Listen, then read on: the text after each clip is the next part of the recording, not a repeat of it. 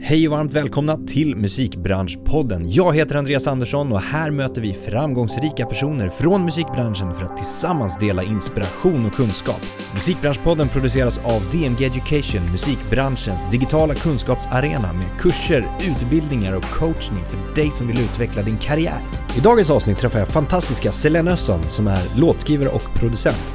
Hon är utbildad inom jazz och målet var jazzartist, men efter studierna bestämde hon sig för att byta riktning.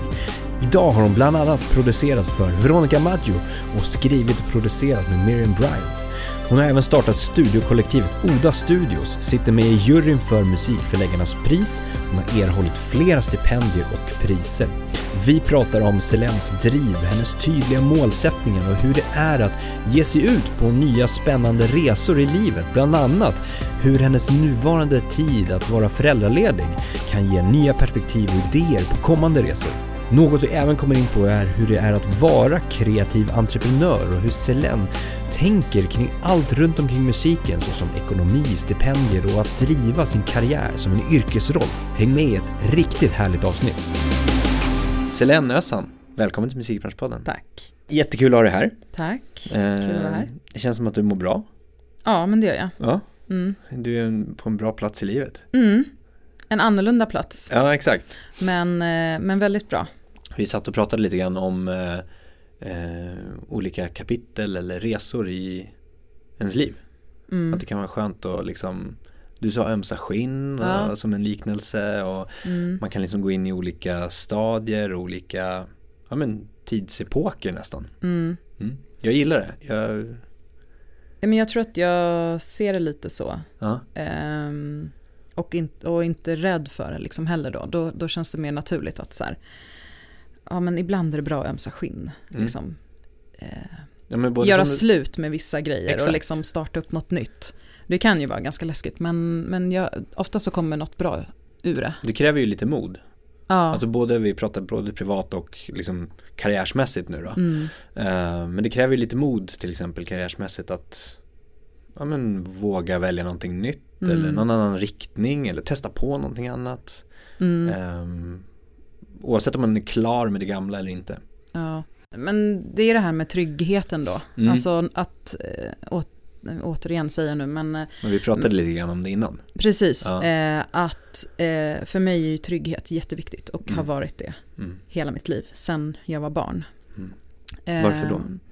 Nej men vi växte upp lite otryggt, eh, ekonomiskt och, och sådär. Och eh, hade inget liksom, jag, jag kommer ju från liksom noll kulturellt kapital och så här. Och då insåg jag väldigt tidigt att Eh, eller som barn känner man ju av det där. Liksom. Man Mm. känner av sina föräldrars oro, sina föräldrars trauman och sånt där. Och då, eh, jag, jag, eh, jag var liksom, jag fick väldigt mycket kärlek men jag kände att det hela tiden var skakigt. Vår tillvaro var, var skakig. Och då, då, då visste jag ganska, som, som ganska litet barn att så här, okej vi har det skakigt. Eh, det får mig att känna mig otrygg. Trots all kärlek som jag får, som vi har i hemmet. Eh, men då, jag måste, eh, jag vill inte ha det så när jag blir äldre. Och jag visste det som, som ganska ungt barn. Liksom. Eh, så jag måste se till att min framtid inte blir på det här sättet och att mina barn inte kommer känna sig eh, skak, alltså den här skakiga tillvaron på det här sättet. Eh, så jag har liksom arbetat för det då, hela, hela mitt liv egentligen. Mm. Men, och så du visste redan där då eller är det någonting som du har funderat på nu att nej men då, då kände jag så här men det betydde det här, alltså otryggheten till exempel. Ja, alltså det jag visste jag, jag visste ju som väldigt liten, som väldigt ung, att jag skulle hålla på med musik till exempel. Mm. Alltså redan som typ tioåring. Och eh, jag insett det nu, kanske lite mer i efterhand, det här med tryggheten. Eh, att att jag, jag visste redan då att jag ska lyckas med det här. Jag ska hålla på med det här och det kommer gå bra för mig. Alltså kanske en så här lite naiv inställning till det. Mm. Att, att det, här, det kommer gå bra för mig, jag kommer lyckas med det här. Jag hade liksom en grundtilltro eh, på mig själv. Mm. Um, att jag litade på att jag kan klara av liksom, att, att, att, att åstadkomma vissa grejer och så här, jag kommer, jag kommer klara mig typ.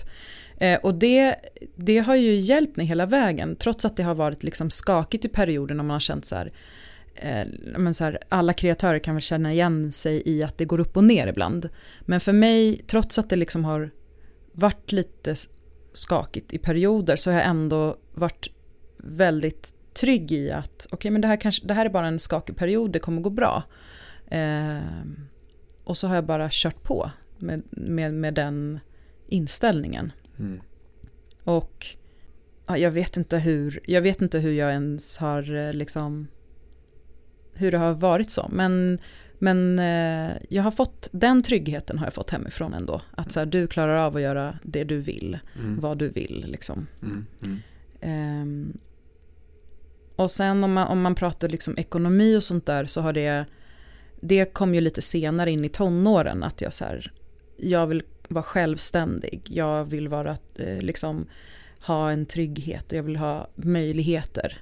Eh, och då ledde det till att jag liksom började jobba ganska tidigt och, och har varit, eh, eh ja, men har varit rätt eh, från start lite liksom företagsam och, och behövt tänka på typ sånt. Mm. Den biten av min bransch. Mm. För jag har insett att det är så här, det här kommer inte bara lösa sig. Bara för att du skriver låtar eller producerar eller står på en scen så Exakt. kommer det inte lösa sig. Du kommer inte få in pengar, du kanske inte kan livnära dig på det. Nej. Utan och, det behövs någonting mer. Ja, eh, det, det behövs framförallt liksom, man märker det från de som inte håller på med musik och så här att, att eh, ja men bara med, med liksom eh, nedladdning, alltså du vet sånt, vi, jag är ju barn av den eran. Alltså jag laddade ju också ner musik. Mm. Och allt sånt fick ju en så här, okej okay, men musik anses ju, det ska ju bara vara gratis och tillgängligt för alla. Men jag har ju valt den här branschen nu, hur ska jag lyckas i den om, om gemene man tycker att eh, eh, musik liksom, eh, ska finnas gratis för alla? Det blir ju lite grann, vi kommer in på det, vem, mer vem du är och, och, vad du har gjort och vad du gör för någonting. Men det blir ju lite grann, när vi ändå är inne på det, att man som kreatör in i musikbranschen tvingas in i ett eget företagande. Mm. Um, egentligen oavsett om man vill eller inte. Mm. Det, är, du, det, det är sällan du får en anställning som musiker. Det finns ju vissa. Ja. Um, ofta liksom i det klassiska mm. uh, klassiska genren till exempel. Eller i en orkester eller liknande. du kan mm. få en mm. anställning. Men det är väldigt, väldigt få ställen. Mm. Där du har en sån trygghet. Uh, så de flesta tvingas ju in i någon slags egenföretagande. Mm. Där man egentligen har som produkt drivkraft det kreativa. Om det är att skriva låt eller producera eller framföra eller vad det nu må vara. Um, men det andra får man, får man lära sig allt eftersom. Ja. Med business, med pengar, med budget, med intäkter, kostnader, mm. pensionsavsättningar, mm. banken, alltså allt behöver mm. du ju lära dig. Mm. Hur har du, liksom, har det bara rullat på och du har fått ta varje puck när den väl kommer?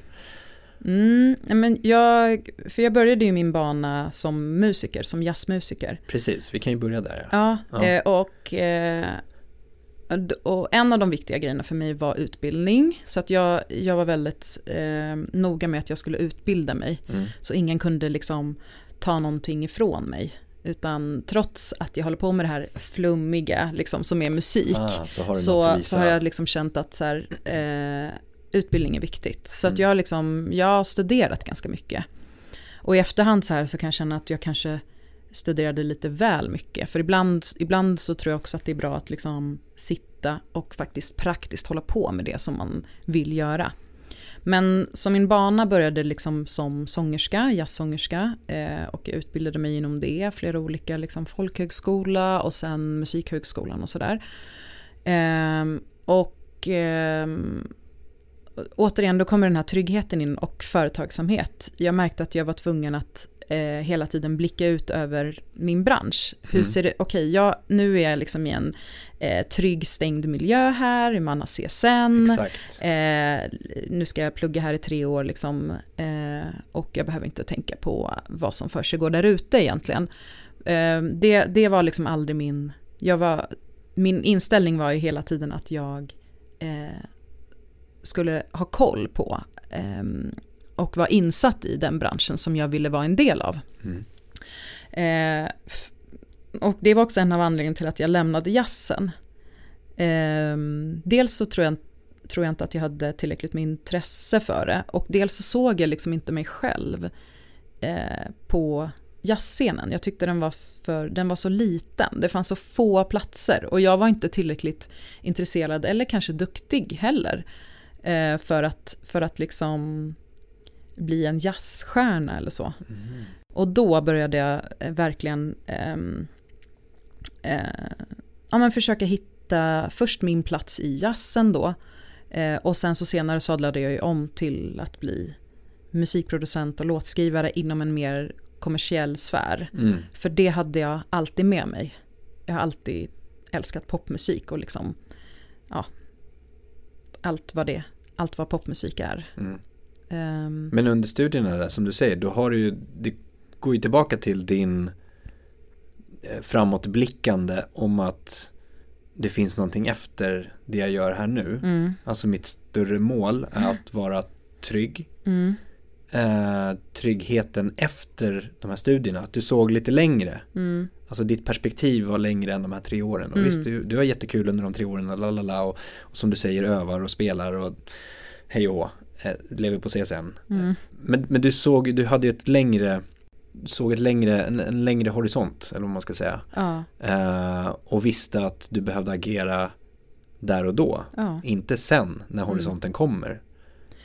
Nej, jag har alltid, så jag har alltid levt i framtiden lite tror jag. Mm. Ehm, ibland liksom något eller några år, men ibland så här. Jag vill kunna köpa en lägenhet om tio år kanske. Så att, och, och, och det har alltid följt med mig. Inte som en så stress, utan mer som en så här äh, trygghet. att så här, Okej, om jag tänker på det här nu, Mm. då kommer jag kunna eh, nå dit om tio år. Alltså, då kommer jag kunna ha den tryggheten om tio år. Mm. Ehm, men absolut, ett för, alltså jag började ju vara ganska företagsam rätt tidigt. Ehm, och det är ju inte alltid jättesexigt. Alltså för att, eh, och jag förstår det, alltså att det inte alltid låter liksom jättehärligt. Att, och, och, och det ligger inte heller i allas natur. Men jag tror att för mig så, har, så är det också en del av vem jag är. Alltså jag Mm. gillar också det där. Jag gillar liksom det administrativa av det också. Mm. Eh, jag kan gå Gillar du att igång. ha koll? Ja, jag gillar att ha koll. Jag gillar Mm. att liksom hålla mig uppdaterad, eh, veta liksom vad de andra pratar om, alltså förstå Mm. eh, eh, företagsamhet och såna här grejer. Eh, jag har alltid tyckt att det är ganska kul. Mm. Ehm, så tidigt så började jag liksom hitta, försöka hitta luckor eller liksom min plats. Mm. Okej, hur tar jag mig in här? Eh, vad finns det för möjligheter? Okej, här finns det massa stipendier jag kan söka som jazzsångerska till exempel. Vad är min styrka i de här lägena? Mm. Ehm, och det har jag liksom eh, försökt använda hela tiden. Titta på den här juryn. Vad är det för jury? Vad skulle de kunna tycka var intressant och unikt med mig? Mm. Okej, men då plockar jag fram lite mer av den biten av mig. Liksom. Man, för man är ju så här, mång, man är ju mångfacetterad, men det är ju alltid vilken del av mig själv ska jag liksom visa i vilka sammanhang. Mm. Och där tror jag att jag eh, har haft tur och liksom varit, eh, jag har kunnat lokalisera det. Mm. Ja, men du har haft en omvärldsbevakning på något sätt. Ja. Alltså, det är inte jättevanligt. Utan att det är ganska vanligt att man går inåt först. Mm, I sådana sammanhang. Om man ska söka ett stipendium. Okej, v- vad vill jag visa upp? mm, Vad vill jag framhäva hos mig? ja, Men du har gjort tvärtom. Du har ju börjat med slutdestinationen där också. Alltså på något Just sätt att, att titta på så här. För att förverkliga det här eller för att få det här priset eller stipendiet i Mm. det fallet då. Vad behöver jag göra då? Vad behöver jag gå tillväga? Vad, vad letar de efter? Vad är det de Just skulle det. vilja ha? Hur skulle jag kunna särskilja mig? Annat Mm. än att vad skulle jag vilja göra? just det. Vad intressant, jag har inte tänkt på det på det sättet. Men jag tyckte det, det blev så tydligt Ja. när du bara, när du beskrev det så. Faktiskt. Ehm, Och det är nog väldigt vanligt att man Oavsett vad man gör, om man är kreatör eller tänk dig att man ska söka ett jobb mm, Att man inte dissekerar anställningsannonsen mm, Utan att man börjar titta på den här titeln verkar fett Det vore Just kul att jobba med som mm, Och så tittar man på sig själv framhäver vad man själv har, Mm. skriver sitt CV, skriver ett personligt brev, jag är den här, jag är den här, jag Mm. beskrivs som det här, det här, det här. Men man matchar inte riktigt med liksom vad som behövs där borta. Nej. Ja, men in, intressant. Ja, det stämmer kanske, eh, det du säger. Alltså, det kanske stämmer in på mig. Liksom. Mm. Ehm, men jag har aldrig varit liksom osann mot mig själv. Nej, Ehm, och det tror jag är superviktigt. Att, alltså, det vill jag ändå lyfta, att jag har aldrig liksom gjort... Eh, det är inte för att plisa andra som jag har hållit på med det jag håller på med. Utan, utan det är snarare så, i, sådana sammanhang så har det bara varit så här, vilken del av mig själv Exakt. ska, ska jag lyfta? Och då har det, jag har haft liksom enorm tur och fått mycket stöd och blivit eh, eh, uppmuntrad mm. Ehm, och varje gång man blir uppmuntrad utifrån, då, du, det liksom lyfter ju en såklart. Så det har ju alltid funnits, eh, det har alltid hänt massa grejer de senaste liksom 10-15 åren som har gjort att jag också har förstått att jag är på rätt bana. Liksom. Mm. Och den uppmuntran betyder ju jättemycket.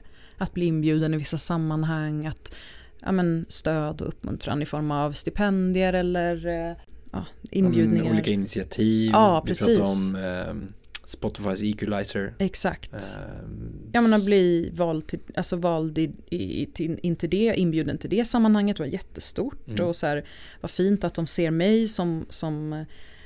För jag har ju heller aldrig varit förlagd eller, eller jag har aldrig haft något management eller sådär. Så jag har ju jobbat ehm, liksom independent hittills. Mm. Sen har jag varit i kontakt med förlag och eh, eh, ja, men, liksom provjobbat med förlag och sådär. Och, och, och då har jag blivit eh, liksom inbjuden till vissa, vissa grejer, till exempel ett camp.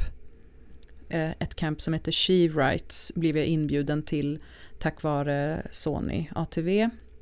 Som jag var i kontakt med då. Eh, och det campet ledde ju till att jag började jobba med Miriam Bryant till exempel.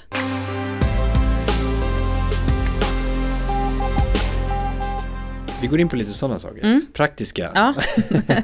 Ehm, just det här kring, du, du benämner dig själv som låtskrivarproducent, Mm. kompositör Ja. i vissa fall också. Ja, alltså Det jag... är olika titlar men det är samma sak det är egentligen samma sak. Ja. Liksom, arrangör, kompositör, Ja, precis. låtskrivare. Exakt. så. Men jag tror att det är också för att jag har eh, lite den utbildningen som jag har Mm. eh, i ryggen. Det är också någonting som jag, alltså under mina utbildningar så har jag alltid varit så här, eh, format dem så att det passar mig och mitt skapande. Mm. Eh, och därför kan jag i vissa sammanhang kalla mig kompositör. Mm. För att eh, jag har en bakgrund inom liksom, eh, alltså orkestralt eh, komponerande. Mm, Eh, och jag har en liksom, kunskap om eh, ja, men, instrumentkunskap eller, eller instrumentkännedom. Eh, ja, men, jobba med notering och sådana här grejer. Ja, och i de sammanhangen så blir man ju liksom kompositör. Och jobbar man med pop då är man liksom låtskrivare. Om vi tittar på liksom det du har gjort, vi, vi kom in på det lite grann, att du var på ett camp med eh, Sony TV, Mm. eller som Sony, Sony Publishing nu då. Ja, precis. De ehm, De bytte där. Mm. Men... Jag blev inbjuden via dem. Det här var ett eh, She Writes hette det här campet då som är liksom ett internationellt eh, camp, låtskrivarcamp för eh, icke-män. ja, Så det har hållits i lite olika länder och städer runt om i världen. precis. Mm. Så då blev du inbjuden och det resulterade i att du skrev till, eller tillsammans med Miriam Bryant. Ja, precis. Mm. Och du har även jobbat med ett projekt med Veronica Maggio. Ja, precis. Det var min första, min första utgivning. Det var nog det som ledde lite mer till att eh, liksom, branschen kanske fick upp ögonen Ja, lite exakt, för mig. att du blev inbjuden på Ja, något sätt. precis. Men om vi backar lite dit då, Mm. eftersom det var den första. Mm. Hur kommer man in i ett sånt sammanhang? Jag tror att många kan vara så här, hur? Mm. Ja, men där just med Veronica var det att jag, eh, min gode vän Sven, eh, det var egentligen han som fick, eh, fick den möjligheten att eh, producera en låt som Veronica och Jocke Berg hade skrivit ihop till, till en film. Mhm. Eh, eller en ko- kortfilmserie om Ingmar Bergman som skulle gå på SVT. Och de hade skrivit en låt och eh, eh, Sven då kände, eller vi har en gemensam vän då som, som jobbade ihop med Veronicas manager. Och de letade efter någon som skulle producera den här låten då. Eh, och eh, Sven fick förfrågan om att prova och, han och jag umgicks ganska mycket under den perioden och, och då var han så här, jag vill ha med dig i det här projektet, det vore så kul att göra det här tillsammans. Och det är jag jättetacksam för, att han tog med mig. Eh, för jag var ändå ganska grön mm. då. Eh, men han var så här, det är mycket roligare att jobba ihop. Eh, så, han, så han tog med mig i det projektet och vi på ett väldigt roligt och lekfullt sätt så producerade vi den ihop. Eh, och jobbade med Veronica på det sättet att hon liksom kom in och sjöng, sjöng om låten och så här. Eh, det var jättestort för mig. Mm. Alltså jag hade ju aldrig, det var liksom min första utgivning. Var ju en låt med Veronica Maggio. Det var ju eh, jätte, ja verkligen stort och eh, fint att han tog med mig i det projektet. Du har ju startat och grundat Oda Studios. Exakt. Eh, berätta mer. Vad är det för någonting? Nej, men när jag sadlade om eh, då till att vilja hålla på med musikproduktion så gick jag en ettårig utbildning. En kvällsutbildning som hette Vem kan bli producent? Som var liksom av och för kvinnor, eller så, icke-män. Och det var första gången jag var i ett sånt sammanhang som var liksom bara alltså separatistiskt. Eh, och liksom gudarna ska veta att musikervärlden, framförallt jazzvärlden, är ganska mansdominerad. Eh, så det var ju något helt nytt för mig. Och eh, sen insåg jag att så här, det här är det som jag har längtat efter. Alltså, gud vad jag har saknat det här liksom. Mm. Systerskapet och eh, den här typen av eh, eh, trygga rum kan man kalla det, där det liksom är tillåtande. Där vi inte har några förutfattade meningar om varandra eller fördomar om varandra, var vi kommer ifrån och vilka kunskaper, eh, vilka fallenheter man skulle kunna ha. Liksom. Eh, och efter den utbildningen så eh, insåg ju jag och min eh, kurskamrat liksom, kamrat Barbara, att, Barbara Chamon, att så här, det här måste ju fortsätta. Det här mm. sammanhanget, det här sammanhanget hade varit för viktigt för oss för att, liksom, för att det skulle ta slut där. Och då eh, insåg vi att vi var tvungna att liksom starta upp vårt egna studiekollektiv eh, och ta med oss alla våra kompisar för att, eh, för att vi ville fortsätta ha ett sammanhang och en så här härlig miljö och Eh, fortsätta vara liksom kreativa eh, i varandras närvaro. Mm. Så det är på den, på den vägen är det. Grymt. Så det var, eh, men 2017 flyttade vi in i våra lokaler och då var det liksom ett år av att jag och Barbara jobbade väldigt mycket för det. Mm. Så det året var ju lite så här, det försvann ju lite för att det kräver ganska mycket att starta upp starta en, sån verk- en sån verksamhet. Um, så vi var ju så uh, ganska svältfödda på att faktiskt få skapa sen. Mm, mm. Alltså skapa kreativt. Mm. För att vi hade hållit på med det här liksom administrativa så mycket. Uh, Men det här är fortfarande igång? Ja. ja. Det... Och ehm, byts det ut liksom? Är det någon slags medlemskap? Ja, eller får men... man hyra in sig? Eller? Precis, det är, en, det är ett studiokollektiv då som ligger eh, på Norrmalm i Stockholm. Och eh, vi har fyra studios mm. eh, som är liksom lite av varierande storlek och utformning och sådär. Eh, och sen så har vi en ganska stor lounge där vi har lite proddplatser kallar vi det för. Mm. Och eh, nej, men det funkar så att man liksom eh, det är ett kollektiv på det sättet att man förväntas liksom ge någonting till kollektivet. Eh, till sammanhanget. Och det är väl det som ska vara liksom det unika med det. Um, och uh, ja, man hyr in sig på en, på en studieplats när de blir lediga. Vi, det är liksom flera som delar per studio men man har mm. en fast plats. Mm. Uh, och så bokar man in sig och jobbar och liksom jobbar med sina egna projekt och sådär. Uh, och sen så har vi ganska mycket verksamhet där vi också samarbetar med varandra mm. och med föreningen liksom för att utvecklas och så här. Vad kan vi hitta på? Vi har ju haft mycket så här, vi har haft lite egna camps, vi har haft en del feedback sessions och Eh, många som samarbetar med varandra inom kollektivet och, och många som också driver liksom sina egna projekt. Mm. Apropå det här med stipendier så, så och kopplat tillbaka till tryggheten Mm. som vi pratade om också. Och du berättade innan det här om att nej men du har inte sett det som en för stipendier inne- innebär ju en, en ekonomisk eh, penning liksom, Mm. som du får Mm. för att kunna utöva det du ska göra. Ehm, men att du inte har sett det som en påse pengar som ska gå åt Nej. så att säga. Utan du har fortfarande sett att jag behöver ha en trygghet på annat håll också. Mm.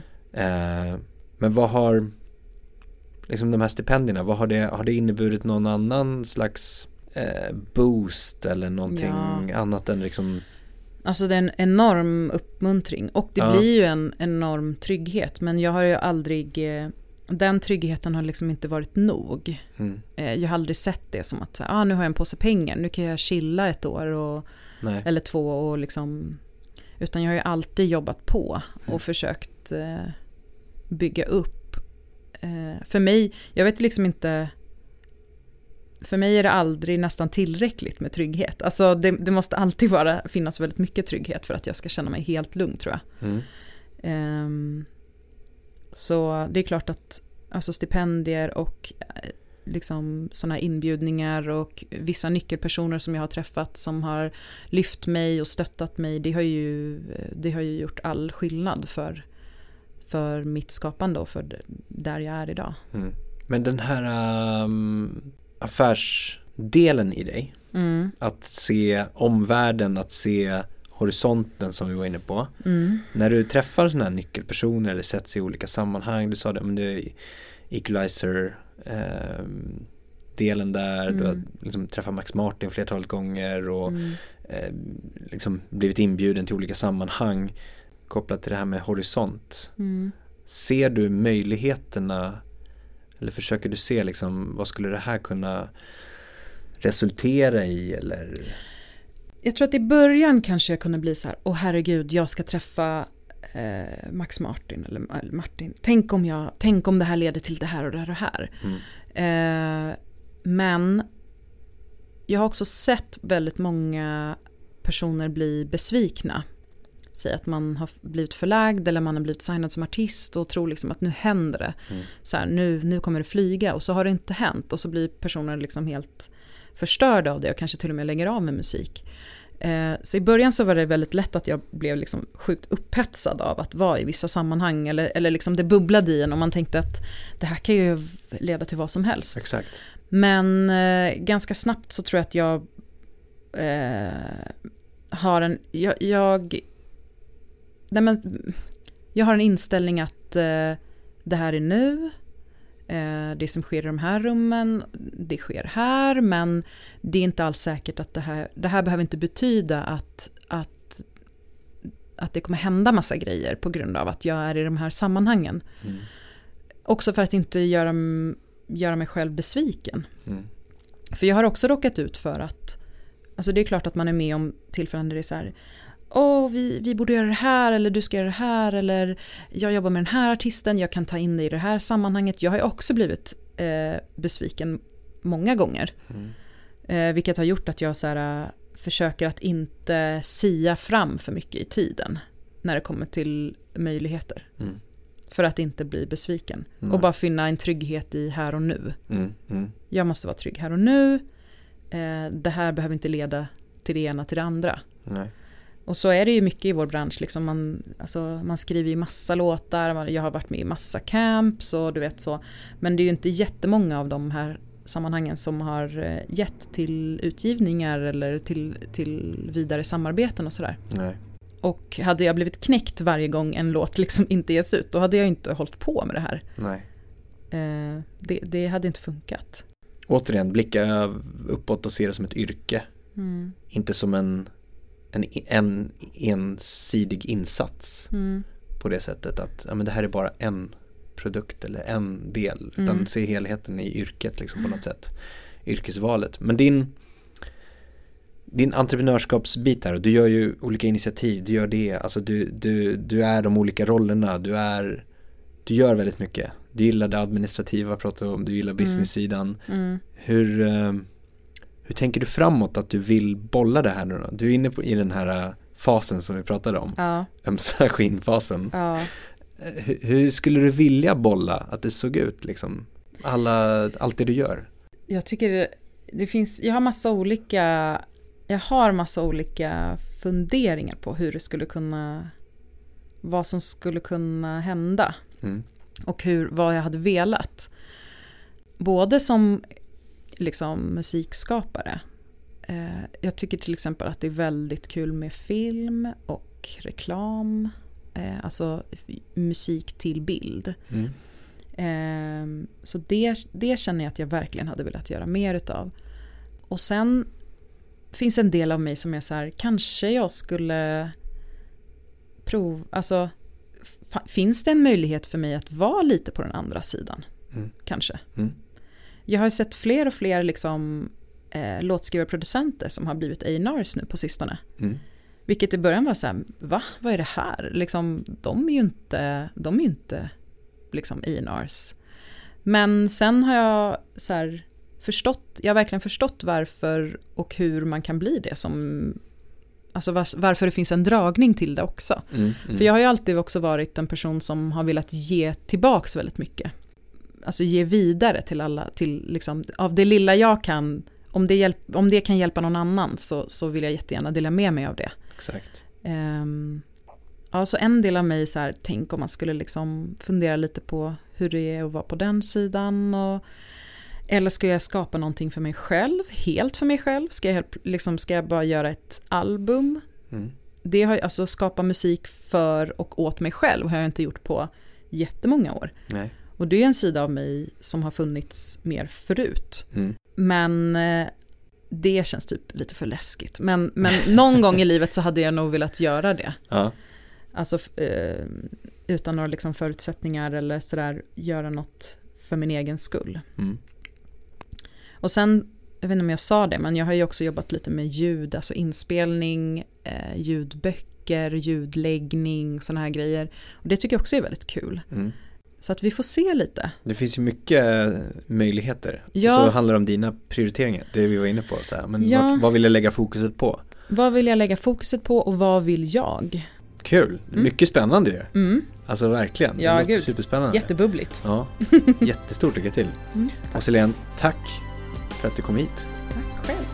Jättestort tack för att du har lyssnat på podden idag. Det uppskattas verkligen. Kom ihåg att följa, stjärnmarkera, gilla, dela, kommentera för att hjälpa till att sprida kunskapen i musikbranschen. Vi vill också jättegärna höra från dig. Vilka utmaningar står du inför? Vad tycker du är svårt? Vad tycker du är lätt? Vad vill du höra? Vad vill du veta? Vad vill du lära dig? Hör av dig till oss på info at dmgeducation.se. Tack för idag och ha en fortsatt härlig dag.